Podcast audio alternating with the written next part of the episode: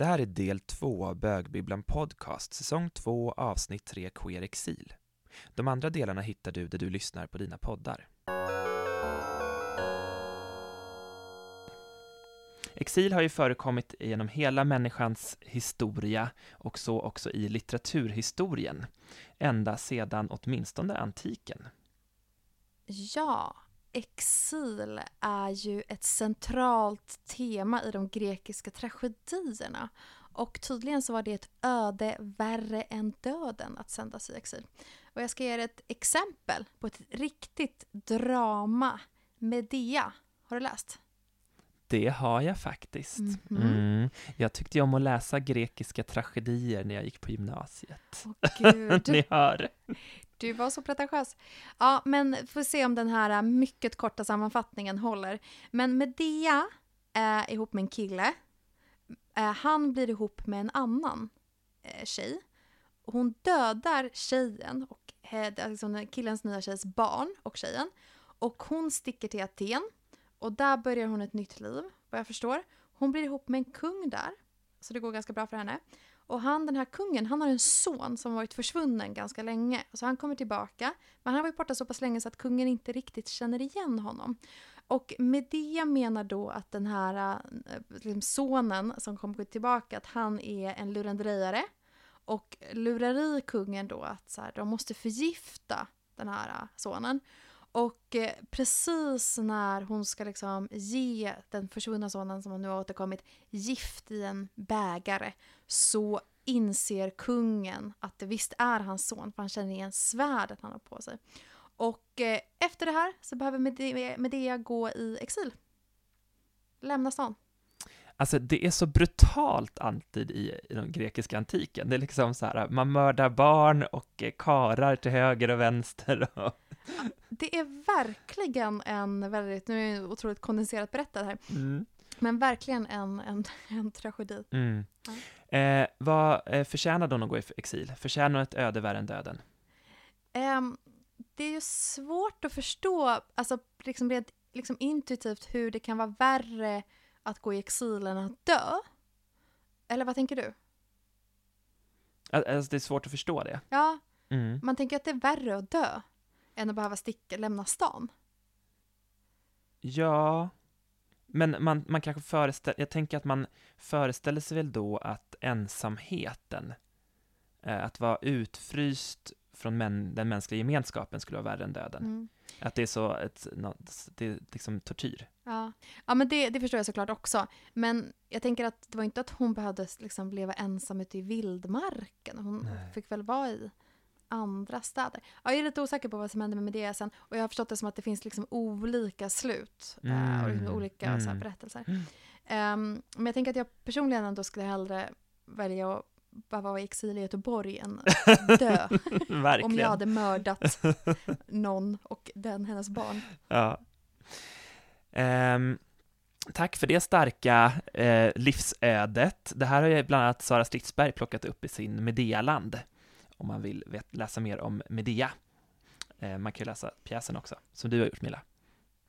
Eh, det finns ju fler eh, exilöden i den queera litteraturhistorien, men då tänker jag inte enbart på det som finns mellan bokens pärmar, utan också det som har skett, hänt i verkligheten och som kanske har påverkat litteraturen.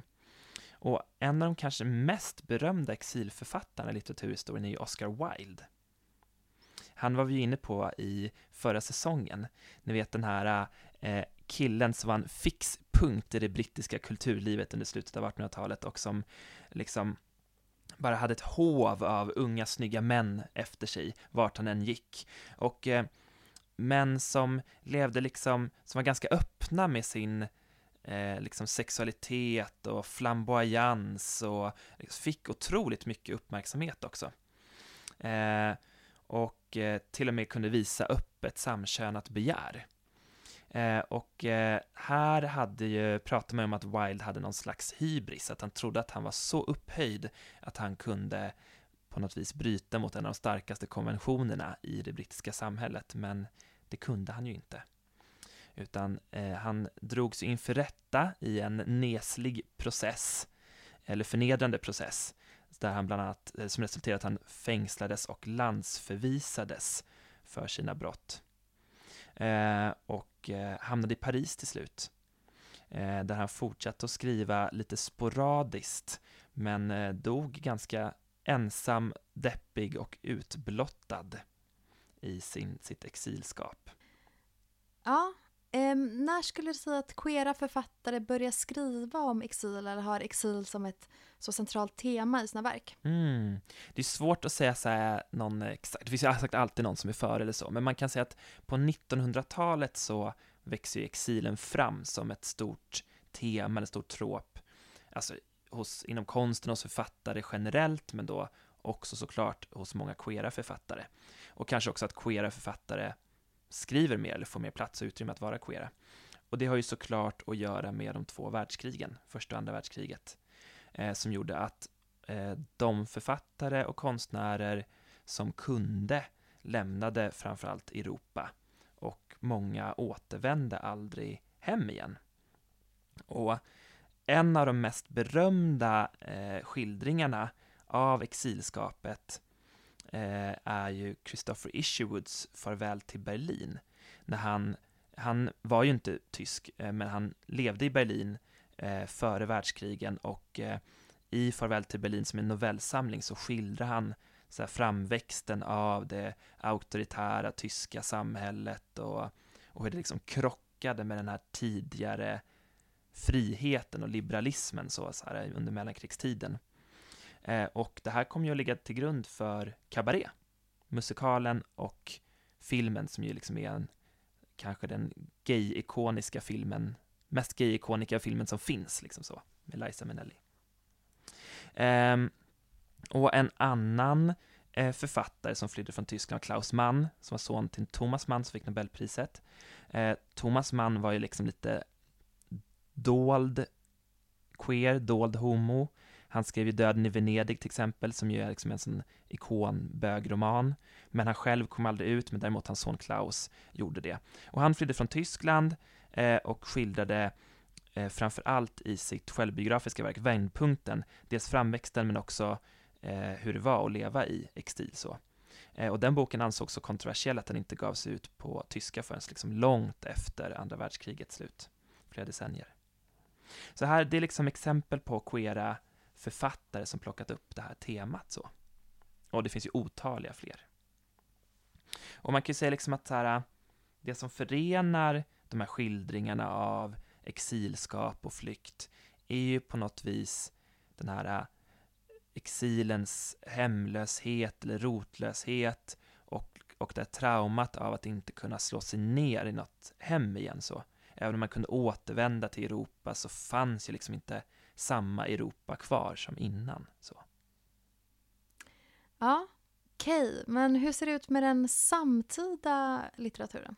Mm, bra fråga.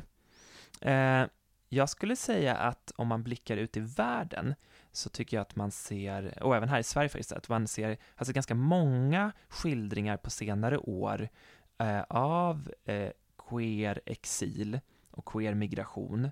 Och jag tänker på flera, att, och här särskilt liksom en våg av transnationell eh, migration, eh, där man har kanske rört sig mellan flera länder eller flera kontinenter, eh, att man fortfarande, det som skiljer liksom vår tid från för eh, 50 eller 100 år sedan är ju att man fortfarande kan ha någon slags kontakt med ursprungslandet, även om man inte fysiskt liksom reser dit. Och här tänker jag på liksom flera av de eh, verk som jag pratade om i podden, som Ocean Wongs On Earth Were Briefly Gorgeous, Akwaiki Mesis eh, Freshwater, eh, kallade Lesmels böcker som vi tycker jättemycket om, men också andra författare som Abdella Taya, marockansk författare som skriver på franska, på. Och en författare som jag är väldigt nyfiken på, som jag precis upptäckte, är Paitim Statovci, eh, som eh,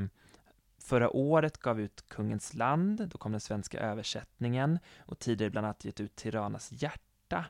Eh, och han har ju då flytt från det forna Jugoslavien, eller från Balkan, eh, lever i Finland, eh, och har liksom skildrat eh, exil och migrant, queera exil och migranterfarenheter i sina böcker som jag är otroligt nyfiken på att läsa.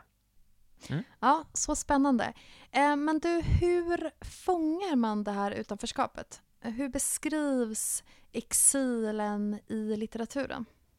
Men liksom ett sätt som man kan göra det på, tänker jag, eller ett väldigt tydligt sätt, är att liksom jobba med språket. För ofta kan det ju vara så att om man har eh, flyttat till ett nytt land, att det är ett nytt språk där, och huruvida man liksom väljer att skriva på det nya språket, eller man väl, väljer att liksom vrida och bända på sitt modersmål, eh, och hur man liksom kanske väljer att mixa språken till exempel, eller blanda dem för att och liksom skildra någonting som är i övergång eller uppbrott eller i, i liksom sammanblandning på något vis så. Det tänker jag liksom kan vara en, en sak som man gör. Eh, men sen så tänker jag att det också kanske är att man försöker liksom fånga upp, eller liksom beskriva den här, eh, den här dubbelheten eller främlingskapet, liksom, att man kanske just lyfter fram det som man som, som, man, som är annorlunda på den nya platsen eller som man saknar från den gamla platsen. Så. Eller liksom att man kanske försöker skriva fram någon slags dissonans liksom i något som skevar lite som gör att det liksom inte riktigt stämmer. så. Mm. Det tänker jag är några sådana olika saker. Har du lagt märke till någonting? Mm. Ja, men jag tänker att det är liksom så, så spännande för att man tänker på liksom flykten eller liksom själva resan.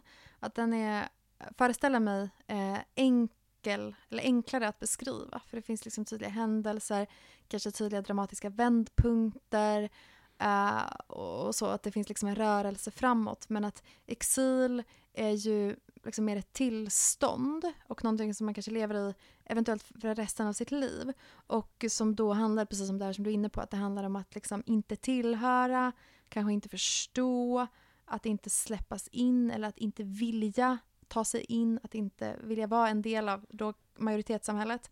Och att liksom längta bort kanske, eller längta tillbaka, eller att sakna en då eh, kanske då omöjlig plats. Eh, en plats som kanske inte ens finns kvar. Eh, att kanske också ha liksom ett namn som inte går att uttala. Eller att tala ett språk, eller att ha talat ett språk som, som glöms bort mer och mer eller som blir mer så här oanvändbart och liksom kanske då förknippat med eh, kanske vissa särskilda platser som kanske eh, den här ny, det inte går att liksom förstå den här nya världen med. Men jag tänker liksom att förutom språket som, som man liksom kanske inte vill förlora eller som man inte vill glömma bort så kan det också handla om så här att inte vilja glömma kulturella koder och hur man levde sitt liv och hur man liksom uttryckte sig och, och var i sitt tidigare liv så. Eh, och, och där tänker jag lite på Akwaiki Mesis Freshwater som vi ju läste förra året, eh, att eh, huvudpersonen i boken tar ju med sig sin, sitt sätt att beskriva sexualiteten och könsidentiteten till det nya sammanhanget, till det nya livet i USA och eh, till och med kanske håller fast vid det ganska mycket också, vill inte liksom släppa det här sättet att beskriva sin sexualitet som är liksom lite mer rörligt och när det gäller både sexualitet och könsidentitet än, än i den traditionella västerländska liksom berättelsen så, eller sättet att, att berätta på. Och där kanske det blir eh, tydligt för läsaren, tänker jag, att man ser den skillnaden liksom. Eh, och, och att det finns ett glapp mellan liksom det nya, nya livet och det gamla livet på något vis. Det är lite mer på hur jag tänker. Mm. Ja, men så att Emesis liksom sätt att förstå sin queerhet är inte den som vi liksom automatiskt känner igen som liksom den typiskt västerländska. Mm. Eller sättet att beskriva den på kanske mm. man skulle kunna säga. Um. Det får mig också tänka på Ocean Wongs uh, bok uh, On Earth We're Briefly Gorgeous som vi också ju läste förra året och älskade. Mm. Uh, där så minns jag att huvudpersonen där har ju inget ord för att vara homosexuell. Just att det, vara bög. precis. Att det ordet på vietnamesiska är samma som pedofili, eller att vara pedofil. Mm. Och att så här, det blir också, det var en sån liksom otroligt så, så stark scen av, så kring hur, vem är man då om man liksom inte har ord för den man är på sitt modersmål. Uh, och liksom just den så här, klaschen Mm. i, i både liksom språk men också i såklart uh, så här, möjliga liv. Mm. Ja, men och sen tänker jag att man också kan tänka, eller liksom söka i tystnaden kanske, efter på något vis eh, traumat eller saknaden, att det som liksom inte kan benämnas eh, i, den nya världen kanske, att det liksom också blir någon slags eh, sår som är svårt att läka just för att det liksom kanske inte finns begreppen för att läka det på eller med. Mm. Eh, och här kan det ju också komma in lite det här med att, eh, att som exilberättelsen kanske är skriven på det nya språket. Eh, och att det kan liksom tillföra kanske också någonting till berättandet. Eh, nu kommer jag att tänka på eh, Agatha Christoph och den stora skrivboken, som ju, hon ju ungersk, var ju ungerska, eh, men skrev på franska, sitt nya språk, vilket gjorde liksom språket lite kargt sådär, så, eller liksom på något vis det fanns någon kantighet i det som, som passade liksom exilberättelsen, eller hennes exilberättelse bra. Och det kan ju kanske vara någonting som också kan ju vara någonting som framträder tydligare genom att man väljer ett språk som inte är ens modersmål till exempel. Och Milla, du har ju en förkärlek att eh, skicka iväg dina vänner på knepiga uppdrag i Berlin. Mm. Mm. Knepiga och knepiga. Ganska trevliga. Och ganska trevliga uppdrag. Och eh, vem har fått äran den här gången? Ja, det är Emil, känd från avsnitt ett, eh, Den queera staden, som vi skickade till en bokhandel i Berlin för att prata vidare om det här. My name is Roland Müller-Flasser, and I'm bookseller at the gay or gay and lesbian queer bookstore Eisenherz in Berlin, and that was the first queer book. No, we started as a gay bookstore, and then nearly 20 years ago um, we changed um, into queer bookstores. So that means before only boys and men have worked in a store, and when we changed. Um, we changed. Uh, we moved uh, with the store to to another uh, in, into another area, right close here. Um, and so then before our name was Prince Eisenherz, and then we um, put the Prince away because Prince is something male, and we want to show uh, our customers that something uh, changed, and also we hired uh, female staff. Okay. So this is a good way of uh, going to the next question. How would you describe this bookstore? So the bookstore, I mean, I do it more than 30 years. The bookstore is 43 years old. And um, so I like to be part of the gay community. And usually, if you um, ask what is gay community, gay community is usually bars and sex. So, and I'm happy that we can offer something different. And so, um, um, I like it. I like it uh, uh, to work here in a bookstore to find books from everywhere, and also I like our our customers. So the Berlin customers, but also we have customers from all over the world, and um, I mean. Um, I like their stories. So I like to talk to our customers, and I mean, um, where do I have uh, the chance to find uh, uh, to meet somebody from maybe Saudi Arabia or from India, and um, so uh, when they come in, um, I ask where they come from and uh, if they want to tell their story or whatever. So I, yeah, I like this. Mm, yeah. So I guess you meet a lot of a lot of people in Mhm. one day. Yes. And uh, who would you say that this bookstore is for? The bookstore is for everybody. I mean, uh, of course, um, we are focused on on, on, on, on the queer community um, in Berlin, but also from from all over, and um, um, but also for our straight neighborhood uh, because we do, we are doing orders. Uh, so if you want. Uh, an ordinary book uh, which we don't have in stock. Um, I can order it, and within 24 hours, I get the book usually. And um, also, um, I understand that our bookstore is more than a bookstore. It's also an info point of information um, because we are connected to to um, to the Aidshilfe, to Schwules Museum, um, and um, so if people have questions uh, where to go, or sometimes they need help, um, so I can send them here and there, and um, and also from our bookstores.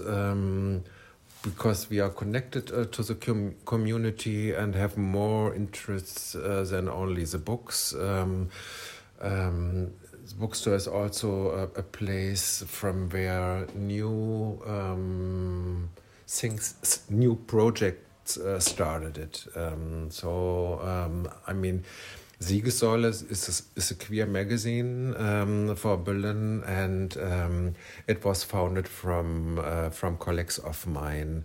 Or maybe now we have the uh, Berlinale, the Berlin Film Festival, and the queer um, queer um, Teddy Award um, was founded also here in a bookstore. So the first uh, Teddy was given to Pedro Almodovar when he was not very well known um, in the 80s uh, in the morn morning, four o'clock or whatever. Uh, um, it was, uh, yeah, so um, it's not only a bookstore, but it's also a place from where new things go into the community.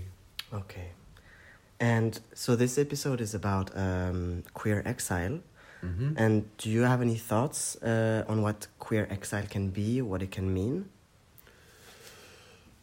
Actually, no. Actually, no. I so I mean, um, I um, I have customers. Maybe uh, first thing uh, uh, what comes into my mind is. Uh, so there is a big Israeli young crowd uh, uh, in Berlin who moved from Israel to to Berlin, but also from all other countries. But what it means um, to to leave their country uh, into to, and coming to Berlin. Uh, I don't know exactly what that means. Um, so Berlin, in is a many, in many ways is a city where a lot of queers come mm -hmm. uh, to be in exile, mm -hmm. and uh, we think that this might have an influence on literature. Do you have any examples of what stories uh, that can be in literature? That is an interesting point. Because I go back uh, uh, to uh, to exile. I mean, um, also for me, I'm not born in Berlin, um, so I moved uh, from West German from West Germany close to Cologne uh, um, in the late seventies uh, to Berlin, and for me and for many of my generation at that time, Berlin was I don't know the English word, Sehnsuchtsort. So um, because it was it was different from West Germany, and it wasn't, of course, not uh, East Germany. It was something in between, mm-hmm. and because there was a wall around the, uh, the city, nobody really was interested, and you have a lot of freedom. Mm-hmm. And I'm, but I'm not quite. I couldn't give you an example for. Um, for that influence in gay literature. Um, so maybe there are some manuscripts which are not uh, published yet, and they are somewhere, but up to now, um, no. Mm, okay. Well, thank you very much for You're your welcome. time, and uh, I wish you luck with the library. Thank you. Welcome to our podcast, Khaleda Esmail. We are so happy to have you here. Thank you so much. Me too. I'm so happy to be your guest. Thank you for having me and talking about my writing. And uh, you are all the way in London, right? Uh, I am in London right now. Yes, I'm uh, like uh, working on different projects. Yes, writing projects. So I'm enjoying London after being locked for the past two years. Nice. Yeah, jealous that you get to feel a bit of the European air. But uh, yeah, so thank you so much for, for being part here today. So, uh, for our listeners who are not familiar with you, um, how would you describe yourself? Who are you? Well, my name is Khaled, and in Arabic means eternal, as in Arabic. Khaled berättar att han är född i Syrien och svensk medborgare sedan några år tillbaka. Nu bor han mestadels i London. Khaled har jobbat med media i flera olika länder, i bland annat Kairo, Berlin, Göteborg och nu London. Och alla dessa resor och erfarenheter har inspirerat honom att skriva. 2018 kom hans första bok, Selamlik, ut på ett svenskt förlag. So uh, these uh, both books, uh, we both re read them and liked them very much. How would you uh, describe them um, with just a few words? What are they about? I would say uh, Salamlik and Import to Harvard or Gateway to the Sea in English, you know, they are very relevant book to the time we live right now. Uh, Khaled berättar att båda hans böcker, Selamlik och En port i havet, är relevanta för samtiden. Det finns framåtrörelse och bakåtrörelse och båda böckerna visar på dessa rörelser. I länder som Sverige och Storbritannien är en framåtrörelse. Friktionen mellan hbtq-personer och samhället är låg. Medan queers blir mördade i länder nära oss och deras sexuella orientering är ett brott. När Khaled ser på båda sina böcker ser han båda dessa rörelser. Han vill inkludera queers i mainstream-berättelsen om flyktingarna som kom hit. Berätta en annan historia än den gängse. För berättelser för människor samman. Det här såg jag först efter att boken publicerats. När du fortfarande håller på att skriva den kan du inte tänka så långt fram, säger han. Du vet inte om den kommer bli läst eller erkänd medan du håller på och skriver. Asylum House and asylboende in, in, in uh, Småland. I also, oh my god, who read this book? Khaled berättar om när han skrev på Selamlik på asylboendet i Småland. Vem kommer läsa den här boken? frågade han sig. Jag är en minoritet i en minoritet. Jag är queer, jag är arab, jag representerar muslimerna på något sätt. Jag har mörkt skägg, jag är hårig, jag är syrier, jag är krigsflykting. Jag bor i glesbygden. Vem skulle läsa den här boken även om den blev utgiven av ett stort förlag? Men efter att du publicerat förstår du att berättelsen är viktig. How come did you write these books? But it sounds like we have the answer there that these stories had to be told and that you wanted at least in hindsight, to have written stories that are outside the mainstream sort of narrative about uh, being a refugee or being um, like escaping from war. The reader is confronted with that in, in both of your books. And how would you say that you have portrayed queer exile in, in, in either of these books or both? Yeah. Well, Tamlik or in Portal Harvest, in the end, it's not, it's about but the story of queer men, the story of a gay man from I Selamlik möter vi en queer man och i en port i havet flera queera män. Men berättelserna är om den mänskliga naturen som berör alla. Du behöver inte vara gay eller trans för att förstå detta. Böckerna handlar om att vara förtryckt, övergiven, att kämpa för livet, att överleva. Vi är alla överlevare. Vi måste överleva det politiska systemet, politiker som ljuger för oss och klimathotet, säger Khaled. Ja, absolut. Det här är berättelser om Palestina, Syrien, Egypten.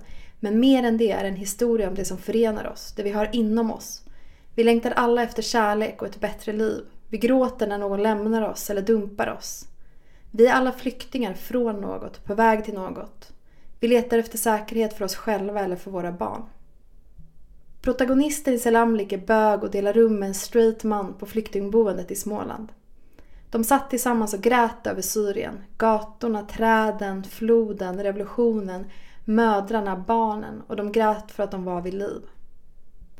Den här scenen, att sätta en heterosexuell person och en bög nakna i en säng handlar om jämlikhet, inkludering och alla andra värden som vi kämpar för. Vi måste hitta ett sätt att få de som hatar oss att acceptera oss. På samma sätt som vi behöver att heterosexuella accepterar oss behöver de vår acceptans. Att vara homofob skadar inte bara oss utan också dem. Det skadar deras energi och deras hälsa till och med.